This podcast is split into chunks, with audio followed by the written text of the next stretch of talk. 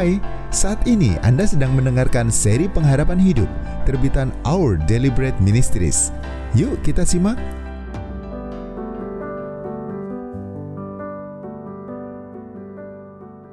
Apakah saya orang baik? David merasa yakin dirinya orang baik. Ia seorang anak yang berbakti, akrab dengan orang tua dan saudaranya, serta disukai oleh rekan dan teman sepergaulan. Sebagian orang bahkan suka bergurau memanggilnya Santo David, karena ia selalu tenang dan tak pernah menggerutu apa pun yang terjadi. Namun, David sering bertanya-tanya apakah memang benar demikian. Ia sadar bahwa dirinya juga punya kekurangan. Tidak sabaran dan sering mudah emosi terhadap orang-orang yang menjengkelkannya. Namun karena bawaannya memang pendiam, biasanya ia memendam perasaan. David pun bertanya-tanya, "Jadi, apakah aku benar-benar orang baik?" Kebanyakan dari kita ingin menjadi orang baik. Tampaknya itu naluri alamiah manusia. Mengapa? Mungkin hal itu muncul dari keinginan untuk membawa damai, bersikap baik kepada orang lain, dan membuat dunia menjadi tempat yang lebih indah. Mungkin kita dibesarkan dengan keyakinan bahwa menjadi orang baik adalah hal yang benar. Kita juga diajari bahwa orang baik akan mendapat pahala berupa kebahagiaan, kemakmuran, bahkan kehidupan yang lebih baik setelah meninggal dunia. Namun, seperti apa baik itu? Apa sebenarnya arti menjadi orang baik? Mari kita renungkan beberapa pengertian istilah ini. Menurut sebagian orang, pribadi yang baik adalah mereka yang melakukan apa yang benar menurut hati nuraninya. Mengerti sopan santun, melakukan perbuatan baik, dan hormat kepada yang lebih tua. Menurut orang lain, pribadi yang baik adalah orang yang mematuhi aturan hukum tidak mencuri atau membunuh, dan hidup dengan cara yang membuat mereka dihormati serta diterima oleh orang lain. Dalam definisi-definisi tersebut, tampak dua pendekatan umum tentang pengertian baik, yaitu mengikuti kata hati nurani dan mematuhi aturan-aturan serta etika dalam masyarakat. Mari kita telaah lebih jeli. Hati nurani dan hukum. Seberapa baikkah itu? hati nurani atau kesadaran batin manusia tentang benar dan salah biasanya menjadi kompas moral utama dalam hidup ini. Hati nurani membuat kita mampu membedakan benar salah dan mengarahkan kita untuk memilih yang benar. Namun, pernahkah Anda bertanya-tanya dari mana asal hati nurani? Apa yang menjadi tolok ukurnya? Apakah hati nurani itu bawaan lahir atau bisa dipengaruhi oleh pola asuh, tradisi, dan kebudayaan, maupun nilai-nilai sosial yang berlaku. Mungkinkah itu sebabnya setiap orang memiliki suara hati yang berbeda-beda, meski sebagian besar dari kita memegang standar moral umum yang sama? Suatu kali, ketika masih kanak-kanak, saya diserang oleh para berandal di tempat parkir. Mereka merampas uang saya, menonjok, dan membanting saya. Namun sebelum pergi, salah satu dari mereka melemparkan uang receh sambil berkata, Nih, buat ongkos kamu pulang. Kami juga punya hati nurani, tahu? Dalam keadaan terkapar, sulit sekali bagi saya menerima perkataan itu. Pernah juga saya membaca kisah seorang pedagang narkoba. Ketika ditahan, ia mengaku punya hati nurani. Menurutnya, sekalipun menjual narkoba, ia tidak mencuri atau membunuh maka dirinya bukan orang jahat. Meski masyarakat beranggapan bahwa berandal dan penjual narkoba tidak memenuhi standar moral, mereka sendiri meyakini bahwa hati nuraninya tetap baik. Apa yang baik bagi setiap orang jelas relatif. Karena hati nurani kita tidak sempurna, definisi kita tentang baik pun tidak sempurna. Itu sebabnya sebagian besar masyarakat dan negara memerlukan hukum dan aturan ada hukum yang ditegakkan secara resmi oleh pihak berwenang. Ada pula aturan yang tumbuh dan terpelihara dalam kehidupan rakyat. Namun, keduanya berfungsi menciptakan keteraturan, menjamin bahwa kita bisa tinggal bersama dengan rukun, meski setiap orang punya cara hidup dan standar moral yang berbeda-beda. Banyak pula hukum yang sama di seluruh dunia. Misalnya, menipu, mencuri, atau membunuh merupakan kejahatan di hampir semua negara. Namun, sebagian hukum terbentuk oleh konsensus. Di negara saya, misalnya, ada orang yang dihukum karena mengenakan pakaian minim di tempat umum, padahal mungkin di negara lain tidak masalah. Di tempat kami, hal itu ditentang karena masyarakatnya lebih tradisional. Pada dasarnya, baik terbentuk oleh hati nurani maupun konsensus, sebagian besar hukum dan aturan dilandaskan pada keyakinan manusia. Seperti halnya nurani tiap orang, hukum dan aturan pun berbeda sesuai dengan kebudayaan, bahkan berubah seiring berjalannya waktu. Artinya, apa yang baik menurut hukum tidaklah mutlak jadi, kalau hal-hal yang kita pakai untuk mendefinisikan orang baik sifatnya subjektif dan tidak sempurna, bagaimana dengan usaha untuk menjadi orang baik?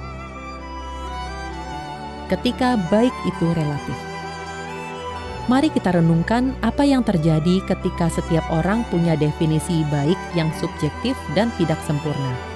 Ada beberapa kemungkinan. Pertama, kita memilih aturan-aturan sendiri Ketika masyarakat tidak bisa sepakat tentang apa yang benar dan salah, setiap individu akan mengandalkan nilai moralnya masing-masing. Namun, mengingat hati nurani kita tidak sempurna, cara ini tidak ideal. Para berandal yang merampok saya mungkin merasa sudah murah hati dengan menyisakan uang receh untuk ongkos pulang. Kalau tiap orang punya standar sendiri-sendiri, sulit dikatakan siapa yang benar-benar baik. Kedua, kita mendahulukan diri sendiri. Tanpa titik acuan yang objektif dalam hidup ini, kemungkinan besar kita akan memprioritaskan keinginan dan kebutuhan kita sendiri atau keinginan dan kebutuhan orang-orang yang kita cintai, serta membenarkan standar-standar moral yang memungkinkan kita untuk terus memburu sasaran tersebut. Penjual narkoba yang saya baca kisahnya tadi mungkin menganggap perdagangan narkoba sebagai cara yang benar untuk mencari nafkah. Ketiga, kita mentoleransi diri sendiri. Dengan standar-standar moral yang tidak mutlak, kita bisa tergoda untuk membengkokkan aturan atau menurunkan standar kita sendiri. Kita mulai membiarkan kesalahan-kesalahan kecil berdalih dengan alasan kelemahan diri atau membuat pengecualian-pengecualian karena dipaksa oleh keadaan. Apa yang terjadi ketika kita mereka-reka aturan sendiri atau memelintirnya semau kita? Tak hanya mustahil menjadi pribadi yang benar-benar baik senantiasa, kita juga akan sulit hidup bersama orang lain dengan harmonis. Bagaimana hal itu mempengaruhi hidup? Bayangkan jika kita membangun rumah sesuka hati bukan berdasarkan cetak biru yang dirancang sesuai standar sipil dan arsitektur yang benar. Kita bisa menggarap proyeknya sebaik mungkin dan mengaku bahwa strukturnya kukuh, tetapi rumah itu tetap saja tidak aman untuk ditinggali. Serajin dan segiat apa pun orang menggarapnya, kurangnya pengetahuan tentang seluk-beluk konstruksi akan menghasilkan kegagalan. Jadi, tampaknya akar masalahnya adalah kita sendiri. Meskipun tulus berkemauan dan berusaha menjadi pribadi yang baik, kita dikecewakan oleh hati nurani yang tidak sempurna serta kodrat manusia yang patut dipertanyakan, mementingkan diri, dan mudah takluk kepada godaan. Standar kebaikan kita pun tidak sempurna karena ditentukan oleh diri sendiri. Mungkin itu sebabnya banyak orang, seperti David tadi, mau tidak mau bertanya-tanya, apakah mereka benar-benar orang baik. Secara naluriah, kita tahu bahwa kita bisa menjadi pribadi yang lebih baik. Namun, bagaimana caranya? Jika hati nurani dan hukum tak dapat diandalkan, dan upaya kita untuk menjadi orang baik jauh dari sempurna, bagaimana kita bisa menjadi pribadi yang benar-benar baik? Contoh kebaikan yang sempurna. Sampai di sini, kita sudah menelaah apa artinya menjadi orang baik dari perspektif manusia. Mungkin kita bisa merenungkan persoalannya dari sudut orang lain dan bertanya, siapakah yang lebih layak serta mampu menentukan apa yang baik? Lihatlah penggaris yang kita pakai untuk mengukur berbagai benda. Penggaris adalah standar fisik yang kita jadikan tolok ukur untuk menentukan panjang suatu objek, misalnya meja.